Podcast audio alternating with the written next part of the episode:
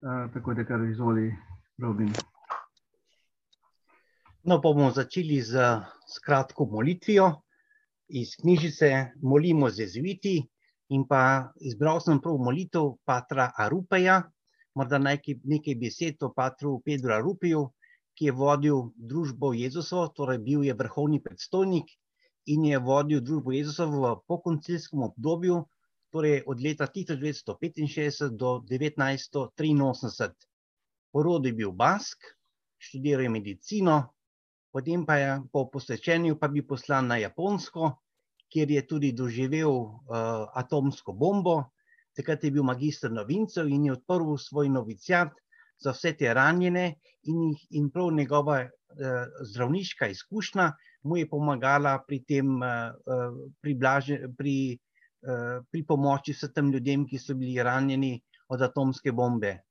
Potem je bil provincial japonskih jezuitov, potem pa leta 1965 pa so ga na generalni kongregaciji v Rimu izbrali za vrhovnega predstojnika in njegovo, njegovo delo je bilo zelo raznoliko.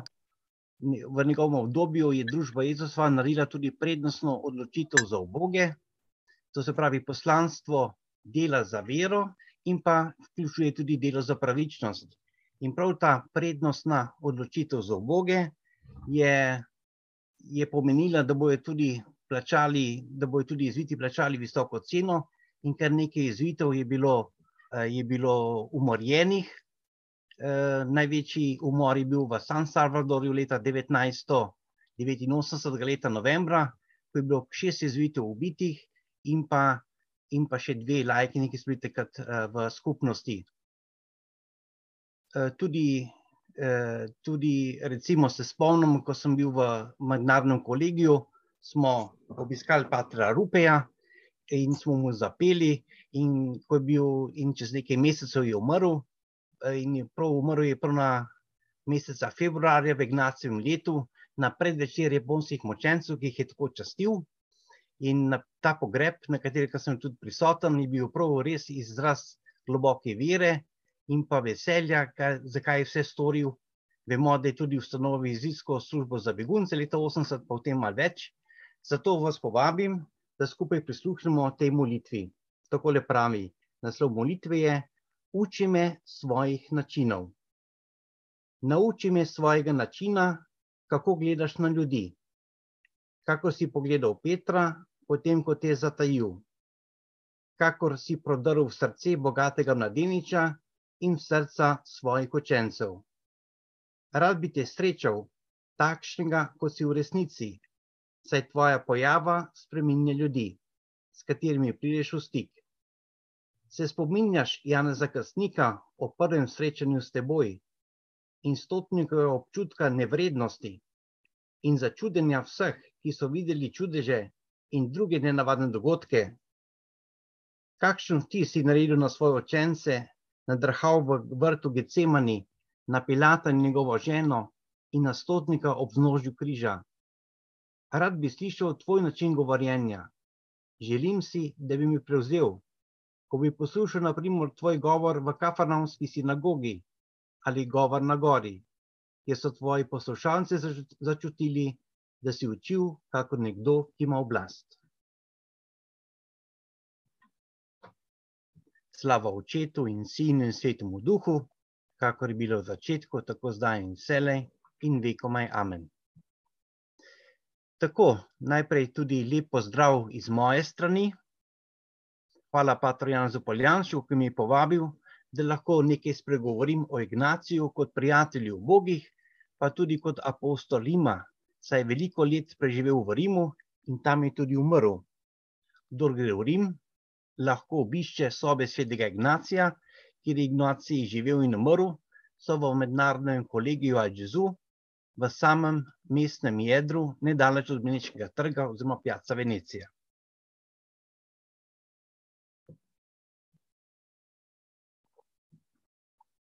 Na začetku nekaj o Ignaciju samem, Ignacij je bil kompleksna in zanimiva osebnost, to se vidi, če berete njegovo avtobiografijo. Dogodek, ko je krogla udarila v nogo, ki ga je, ki ga je doživel v Pamploni, ko je branil grad pred francozi, to je bilo 20. maja 1521. leta, je popolnoma spremenilo njegovo življenje. Začel se je proces njegovega spreminjanja in spreobrnenja. Postajal je počasi novi človek v Kristusu. To je trajalo kar nekaj časa, nekaj let. Po Manrezi, na primer, je doživel veliko tolažbe, a je imel tudi veliko notrnih bojev. Potem je šel v sveto državo, kjer bi rad čim bolj spoznal in doživljal Kristusa ter mu služil. Potem se je vrnil v Evropo, šel je študirati v Pariz, kjer so se mu pridružili prvi tovariši družbe, Jezus, družbe Jezusove. Potem so bili nastanjeni po raznih krajih Italije, Ignace se je nastanil v Rimu, kjer je živel predvsej let kot vrhovni predstojnik družbe Jezusove. Tam je umrl leta 1556 leta in sicer 31. julija. Bil je aktivno vključen v crkveno in družbeno življenje večnega mesta Rima in prav tu je največ storil za oboge, ampak o tem več malo kasneje. Preden se, preden se osredotoči na življenje v Rimu in se malo ustavimo ob odnosu do obogih, je bil en pomemben dogodek, ki ga Ignacij omenja v svoji autobiografiji, ko pravi, na Montserratu je sklenil pustiti svoje oblačila in si nadeti orožje Kristusovo. Oblačila je dal revežu. Naj preberem ta odlomek, da boste malo začutili utrip iz Ignacevega življenjepisa. Takole pravi Ignacij o sebi. Šel je svojo pot na Montserrat in ko je imel vedno navado, premišljeval o junaških delih, ki jih bo storil z ljubezni do Boga ker je imel polno glavo takih misli, kot jih je bral pri Amadisu in v sličnih knjigah, mu prihajalo na um več stvari podobnih onim. Tako je sklenil, da bo oborožen preču noč, ne da bi sedel ali legel, ampak bo deloma ostal na nogah, deloma klečal pred oltarjem naše gospe iz Monserrata. Tam je sklenil pustiti svoje oblačila in si nadeti orožje Kristusovo. Odšel je torej iz tega kraja in potoval, kot je bil njegov običaj, da je premišljal o svojih načrtih. Ko je prispel na Montserrat, je opravil molitev in pogovor s spovednikom opravil pisno splošno spoved. Spoved je trajala tri dni. Dogovoril se je s spovednikom, da bo dal mulo odvesti, meč in bo dala pa bo obesil v crkveni oltar naše gospe. To je bil prvi človek, ki mu je razodel svojo odločitev. Do tedaj in namreč ni razdelil še dobenemu spovedniku. Na večer pred praznikom naše gospe v marcu leta 1522 je odšel po noči, kolikor je le mogel na skrivaj k nekomu revežu. Slekel je vsa svoja oblačila in jih dal revežu. Potem je oblekel svojo zaželeno obleko in šel klečati pred oltar naše gospe. Prebil je vso noč nekaj časa na kolenih, nekaj časa na nogah, z romarsko palico v roki ko se je začelo daniti, je odpotoval, da ga ne bi prepoznali. Ni šel naprej po ravni poti v Barcelono, kjer bi naletel na mnogi ljudi, ki bi ga prepoznali in mu izkazali spoštovanje, ampak je krenil v neko vas, ki se imenuje Mandreza. Sklenil je, da tu prebije nekaj dni v zavetišču in si zapiše nekaj stvari v svojo knjižico, ki jo je skrbno čuval pri sebi in mu je bilo veliko tolažbo ko je bil že miljo daleč od Montserrata, ga je dohitel človek, ki je z veliko naglico prišel za njim in ga vprašal, če je on dal nekemu revežu oblačila, kot je ta trdil. Odgovoril je pritrdilno in solze so mu prišle na oči zaradi sočutja z revežem, ki mu je dal oblačila. Navdalo ga je sočutje, ker je spoznal, da so ga mučili, misleč, da jih je bil ukradel. Čeprav se je na so moč izogibal, da bi mu izkazovali spoštovanje, pa ni mogel dolgo ostati v Manrezi, kjer so ljudje ob njem začeli, začeli govoriti velike reči, ko so zvedeli o dogodki z Monserrata. Kmalo je govorica tako narasla, da so govorili več, kot je bilo res. Češ, kako velike dohodke je zapustil in drugo.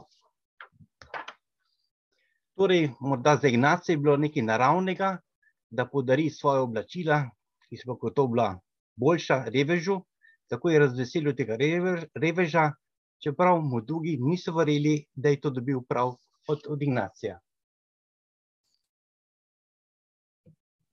Torej, sedaj pa še nekaj več o Ignaciju, ki je dolgo let preživel v Rimu. Prav v Rimu največ izvemo o odnosu do ubogih. Lainjes v svoji knjigi opisuje kot apostola Rima. Zakaj? Ker se je vse stransko udejstvoval v mnogih stvarih za različne ljudi, predvsem za boge.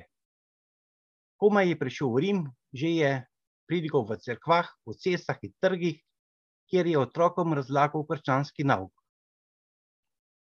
V letih lakoti 1538-1539 so Ignacij in tovariši z veliko požrtvovalnostjo pomagali številnim ljudem v njihovi stiski in bedi.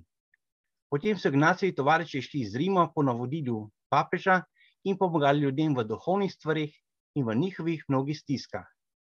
Ignacij pa je ostal v Rimu, tako da je bilo njegovo poslovsko polje prav Rim. V tem času v Rimu ni bilo podviga, pri katerem Ignacij ne bi vneto in nesebično sodeloval. Kakšen je bil njegov načrt dela? Imel je poseben načrt dela. Ko je videl neko potrebo, je najprej Ignacij sodelavci napravil načrt za novo dobrodelno ustanovo. Potem so za zbiranje sredstvo in vodstvo ustanovili odbor dobrih ljudi. Pri papežu so posredovali, da je osnovno delo povzdignil v bratovščino in Ignacij je nesebično pomagal, vse dokler je bila njegova pomoč potrebna ko njegova prisotnost ni bila več nujna, se je omaknil in prepustil delo drugim. Sam se je potem posvetil novi nalogi, ki je njegovo pomoč bolj potrebovala.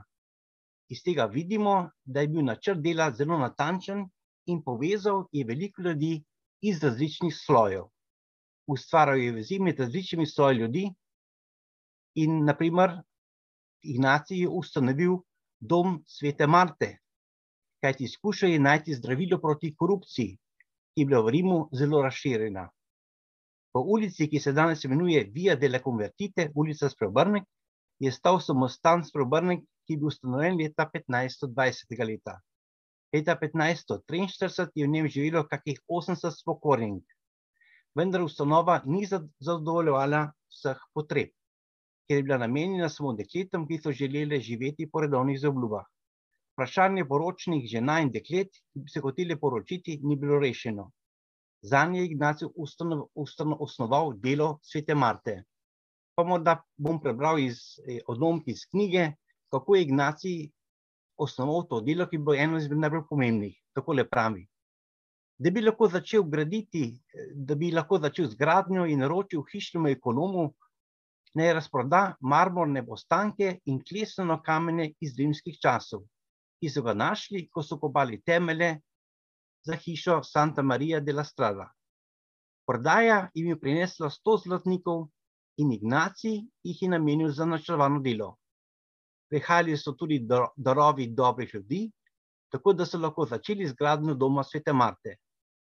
Cerkev nekdanjega doma stoji še danes na trgu rimskega kolegija in se uporablja za priložnosti razstave. Kot, podobno kot za katehumenat je Ignacij tudi za dom osnoval bratovščino, ki se je imenovala Bratovščina milosti, ter jo je 16. februarja potrdil papež Pavel III. V bratovščino se je upisalo 14 kardinalov, več prelatov in redovnikov ter nekaj gospa iz visoke rimske družbe. Med njimi se je posebej odlikovala Leonora Osorio, žena španskega poslanca Juana de Vega. Ignacij je prevzel duhovno skrbo doma, vse do leta 1546 pa je skrbel tudi za materialno vzdrževanje ustanove. Pomagal mu je pater Diego, leta 1543 je bilo v domu devet žena, dve ali tri pa so čakali na sprejem. V naslednjih sedmih letih je dom oskrbel blizu 300 žena, da so se lahko vključile v normalno življenje. Pater Ribandenera opisuje Ignacijo način dela. Takole. Večkrat so ga videli, kako je po rimskih ulicah za njim korakala katera teh revic. Ignacij jo je peljal v hišo kakšne znane gospe ali pa dom svete Marte. Življenjepis se zodaja, kako mu je nekoč nekdo ponesel, češ da je njegov trud brez koristi, da se bodo te nesrečnice zakrknile v pregrehi, prej ali slej spet vrnile k prejšnjemu življenju. Ignacij odgovoril, da bi se mu zdel njegov čas dobro izkoriščen tudi v primeru, ko bi z vsemi svojimi napori dosegel le to, da bi vsaj ena od njih eno samo noč ne grešila.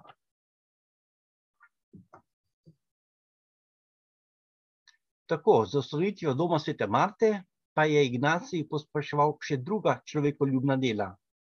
Pogosto se dogajalo, da je prostitucija prehajala, prehajala od matere na hčer, a tudi sicer so bila mnoga mlada dekleta v veliki nevarnosti.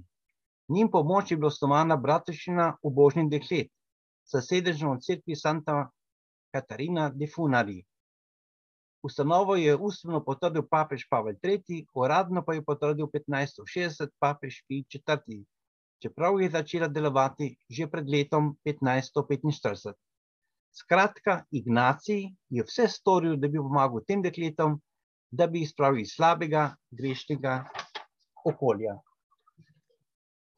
Naslednje področje dela je bilo pomoč bolnikom. Ignacijeva vnema za dvig naravnega življenja v Rimu se je kazala v njegovih prizadevanjih, da omogoči bolnikom pravočasen prijem zakramentov. Pogosto se je dogajalo, da so nekateri umrli, preden so bili prevideni. Razlogi so bili vedno isti. Navadno so domači tako dolgo odlašali z duhovno pomočjo bolnikov, da ni bilo več sposobno opraviti dobro spoved, ali pa zakramentov sploh niso menili v strahu, da ne bi bolnikov znemirali. Papež Innocent III je izdal odlog, po katerem naj bi zdravniki nehali dejati zdravstveno pomoč bolnikov, ki bi zavračali zakramente. Ignacij se je trudil za bolj blago tega, uveljavitev tega papežjega odloka. Namreč zdravniki naj ne bi odrekli pomoči bolnikom, ki bi prvič ali drugič odklonili zakramente, ampak šele, ko bi jih odklonili tretje. Tako je Ignacij pomagal, pomagal mnogo bolnik, mnogim bolnikom. Ignacij je skrbel tudi za sirote, namreč vojska, kuga in lakota so zapustili Rimu številne osirotele otroke. Lačni, umaznjeni, razcapani so se klatili po rimskih ulicah. Tudi tem otrokom je Ignacij pomagal preko doma za sprejem ubogih otrok. Ustanovljena je bila tudi bratovščina Marijinega obiskanja sirot, kjer je tudi Ignacij pomagal. Torej lahko vidimo, da je Ignacij pomagal na mnogotere načine. Ustanovil je tudi rimski kolegij šolo za dečke. V tem kolegiju naj bi se po Ignacijevi zamisli mladi člani družbe Jezusa izviti, ampak ne samo, ne samo oni, ampak tudi drugi dijaki učili latinščine, grščine in hebrejščine. Šola je bila brezplačna, kjer je Ignacij našel dobrotnike, ki so občutno financirali to ustanovo. Ni šlo brez težav, a našli so se dobrot, dobrotniki za ta kolegij. Potem je papež Gregor 13. kot drugi ustanovitelj kolegija prevzel celotno skrb za vzdrževanje, za vzdrževanje ustanove, ki se sedaj po njem imenuje Gregorijanska univerza ali na kratko Gregorijana. Pojdimo še malo v sedanjost. Kako danes deluje družba Jezusa oziroma kako delujemo jezuiti? Lahko se vprašamo, kako smo zvesti Ignaciju navdihu pri našem delu. Sedanji pater general, pater Arturo Soza, je predstavil štiri apostolske preference za naše delo v tem desetletju. Prva je pokazati pot Bogu z duhovnimi vajami in zazročevanjem, torej pokazati pot Bogu. Naslednja je spremljati mlade pri ustvarjanju prihodnosti v upanju, torej spremljati, spremljati mlade, ki so naša prihodnost. Potem sodelovati pri skrbi za skupni dom. In ena od štirih apostolskih preferenc je tudi hoditi skupaj z obogimi, izključenimi iz sveta, ranjenimi v lastnem dostojanstvu, v poslanstvu sprave in pravičnosti. Torej se lahko vprašamo, kdo so ubogi danes. Lahko rečem, da družba Jezusova nadaljuje z navdihom ki ga je imel Ignacij ob delu z obogami. Kot vedno so bile različne potrebe, ki so vodile vrhovne predstavnike pri odločitvah pri delu z obogami. Namenim izvidsko združen za begunce ali po angliško Jesuit Refugee Service, zato tudi kratica JRS. Morda za začetek, kako se je to začelo?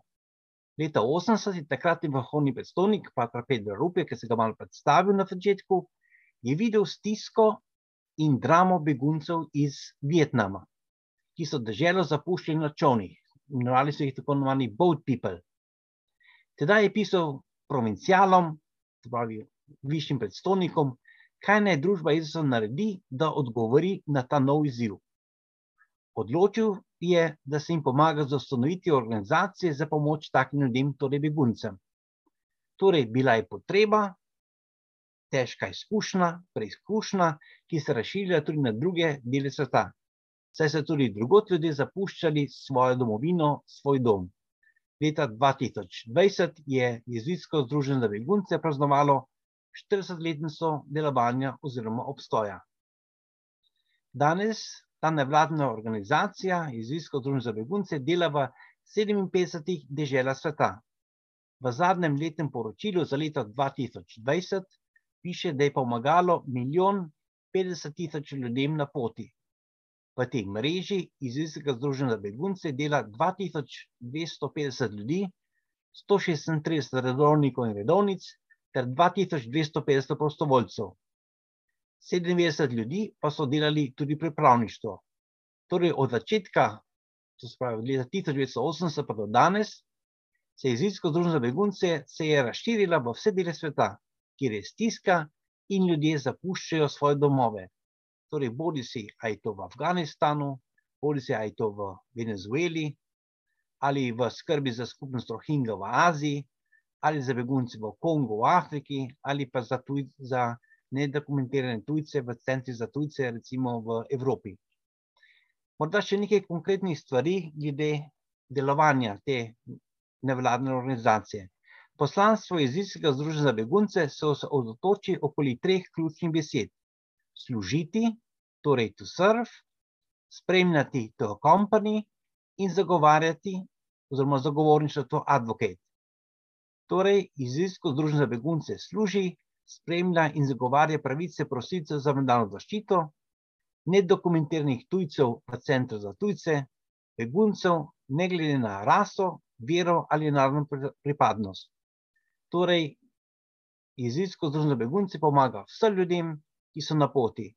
In to je tudi nekaj, kar bi bil Ignaci zelo ponosen ob delu z obogami. Kajti v človeku na poti vidi brata ali sestro v Kristusu v potrebi.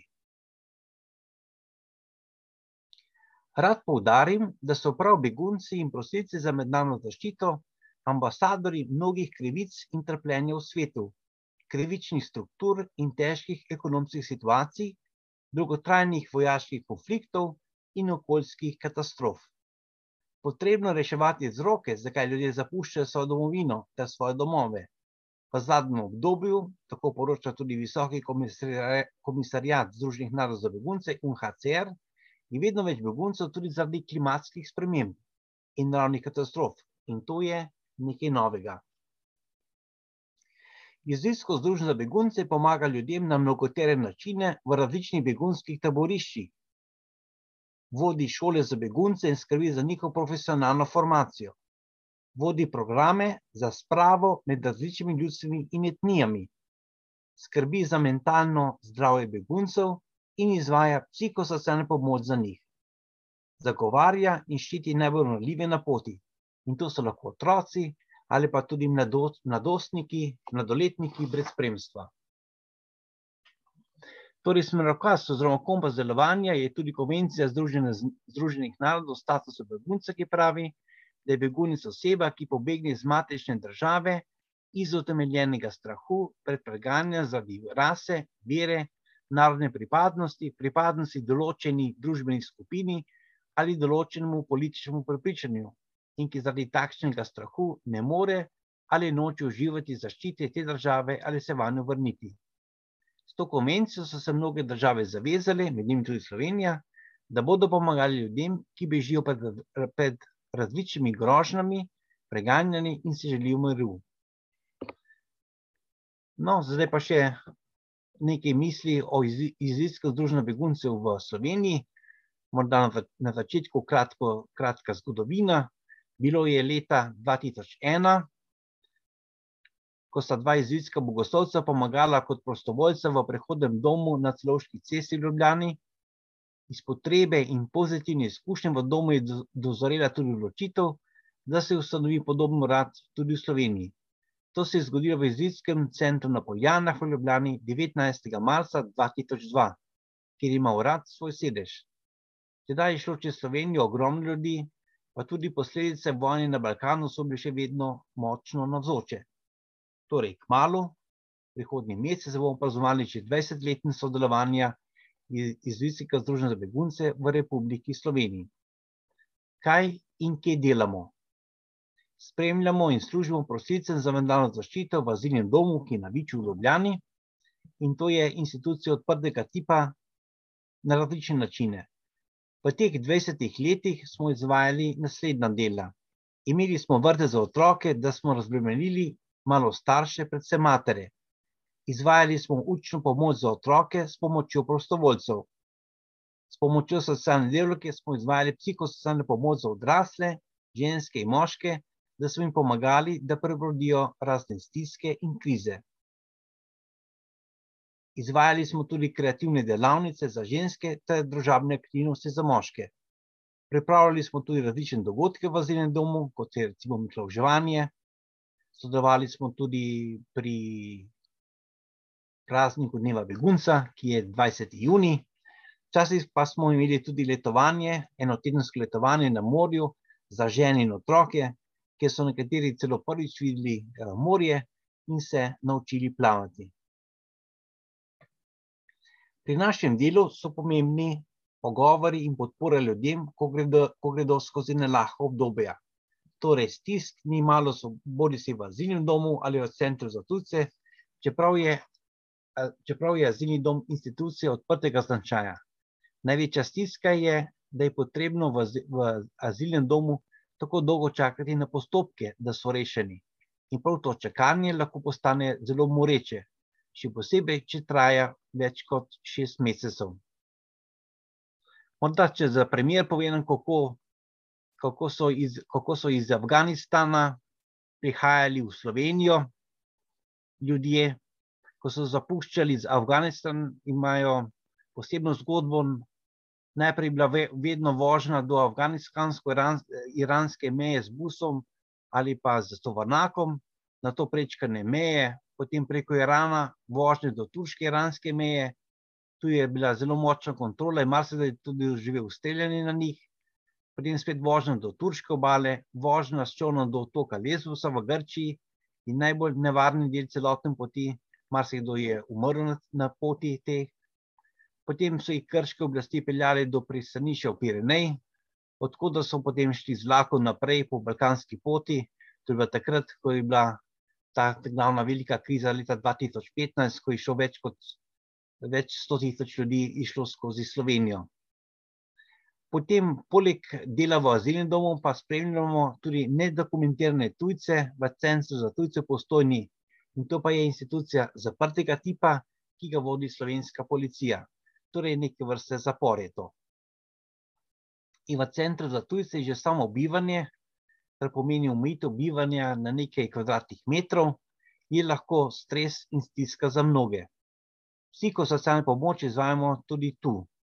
In to je zelo pomembno, saj marsikdo tu doživi močne in globoke stiske. Marsikdo mi reče, zakaj sem tukaj zaprt, saj nisem kriminalec ali pa terorist. V pogovoru se marsikaj uredi. Predvsem pomembno je, da jih kdo posluša, jim svetuje in pomaga.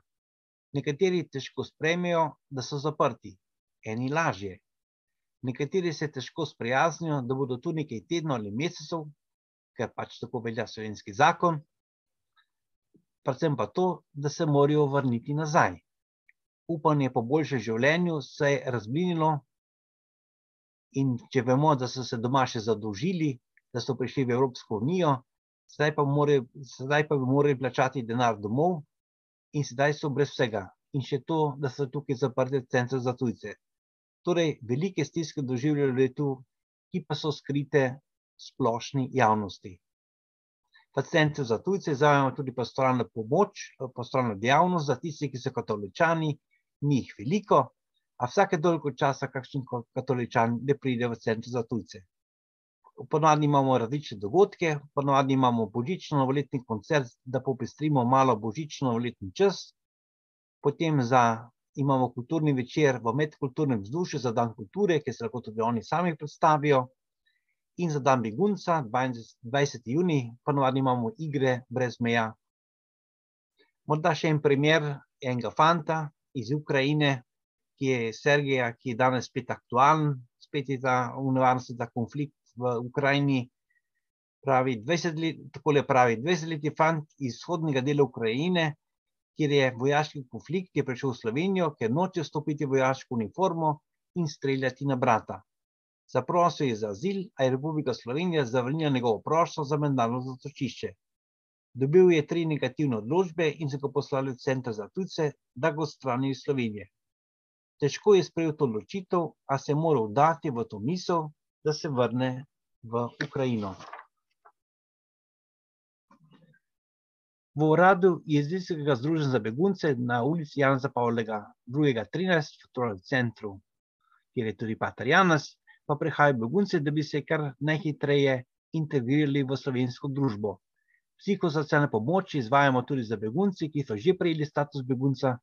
Imeli smo tudi pa računalniške tečaje za njih, in ki so bili zelo uspešni. Morda še en, uh, eno pričevanje ene begunke ob začetku svojega bivanja v Sloveniji. Tako le pravi, da malo začutimo, kaj grejo, kaj grejo skozi ti begunci pa begunke. Pravi, nisem slovenka in nisem nekdo z veliko denarja. Za nas, begunce, so problemi podvojeni, glede stanovanja, jezika, odnosa z ljudmi, nostrifikacije dokumentov, vozniškega dovoljenja, zdravniške oskrbe. Težko je najti stanovanje za begunce. Večkrat smo poklicali na oglas za stanovanje, se pogovarjali, vendar ljudje ne zaupajo. Ljudje ne marajo tujcev, še posebej ne, če so begunci. Potrebujemo pomoč, resnično sami ne moremo nič. Poskusila sem sama najti stanovanje, ko pa izvejo, da sem begunka, se prestrašijo, kot da sem kriminalec ali kaj vem kaj. Pravijo, ali delate tukaj, odkot ste, kako boste plačevali najmino. Nisem zaposlena, ker čakam nostrifikacijo diplome pri fakulteti za fiziko in matematiko. Zelo počasi gre, to je pač birokracija. Moram čakati, kaj naj drugega. Tudi zdravniki ne zaupajo, sabo sem prinesel potrdilo od urada za begunce, da bodo plačali moje zdravljenje. Gledali so v papir in sestra rekla, kako to mislite, kako bodo plačali, nisem še videla tega papirja. Problem je denar, življenje je zelo draga, zelo draga reč, problem pa tudi to, da sem begunka. So tudi pozitivne stvari, ki jih moram povedati. Ljudje so v Sloveniji večinoma prijazni, imam prijatelje, njeno življenje, nihče mi ne ogroža, lepo je tukaj, lepo naravo imate. Pomembno delo iz Izraelskega združenja za begunce je osveščanje javnosti o begunski tematiki. Enkrat mesečno imamo že več kot 15 let radijsko dajo, gradimo odprto družbo, torej vsako četrto nedeljo ob 18 uri in 30 minut na Radio Gnišče, kjer se lotevamo tem iz begunskega področja, kakor tudi iz migracijskega ter razvojnega področja. Za zadnje januarsko daje je bila že 268 po vrsti. Izvajamo tudi raziskave. Leta 2008 smo izvedli raziskavo o stanju centrov za tujce v Evropi, kjer je sodelovalo tudi Izraelsko združenje za begunce Slovenije za našo državo. Ob tej raziskavi je nastala tudi pobuda tujcev, da bi lahko kje molili v tem centru. In vodstvo centra za tujce je bilo odprto tej pobudi in je nastala ideja tako imenovane sobe za tišino, kjer lahko molijo ti tujci in se umirijo ljudje različnih virov spovedi. Torej, sočutje, empatija so potrebne za tiste, ki srečamo v azilnem domu ali centru za tujce, ali za tiste, ki se želijo integrirati v slovensko družbo. Pomoč in podporo je potrebna tudi za tiste, ki so, sprejeli, ki so prejeli status begunca in se morajo nekako znajti v družbi. Po pomoči mi osebni integracijski načrt, ki se boje tudi učenje slovenskega jezika, ki je za nekatere kar velik izziv. Nekateri se hitro naučijo slovenščini, a večina bolj počasi. Begunci pa imajo ponavadi težave pri iskanju službe ali pri iskanju nastanitve in to še posebej v Ljubljani. Naslednja dejavnost je tudi pisanje člankov, kako tudi predavanja, kot, da, kot je to današnje, ali pa okrogli mizi, ki so pomembni dejavniki za osveščanje javnosti. Pomembna je raziskovalna dejavnost, kot sem že omenil, kajti prav raziskave so pomemben vir za spoznavanje določenih tem in tudi za lobiranje za pravičnejše zakone, tako na evropski kot nacionalni ravni. Naj počasi zaključim. Na begunce, kako tudi na tujce, imigrante, lahko gledamo kot na nek problem ali pa priložnost. Spremimo jih v pozitivnem duhu, kot priložnost za njih in tudi za vse nas. Za mnogo begunce je Slovenija še vedno tranzitna država, ne ciljna. Čeprav se to lahko v prihodnje tudi spremeni. V letu 2021 je bilo prosilcev za mednarodno zaščito 5300, kar je največja številka v zadnjih letih. Status begunca pa je prejelo le 17 ljudi. Vsak begunec ima svojo zgodbo življenja, ki je enkratna in neponovljiva. Pomembno je, da znamo prisluhniti in jih sprejeti na naši poti življenja. Kristus nam daje lepo navodilo v 25. poglavju Matejevega evangelija, ko pravi: tujec sem bil in ste me sprejeli. Tudi papež Frančišek stalno spodbuja v smeri pomoči beguncev. Tudi Slovenija, enako tudi ostale evropske države, naj bodo odprti do teh ljudi. Čeprav bomo postali zato vedno bolj multikulturno, multietično in pa tudi multireligiozno okolje. Zaključil bi svoje predavanje za vizionarsko mislijo Patra Rupeja, Patra Rupeja, ki je rekel, da ne moremo rešiti današnje probleme z rešitvami iz preteklosti. Torej, bodimo odprti in kreativni pri iskanju novih rešitev za današnji čas, tudi za oboge, ki so še vedno med nami. Bili so v Ignacijevem času in so tudi še danes med nami. Hvala za vašo pozornost.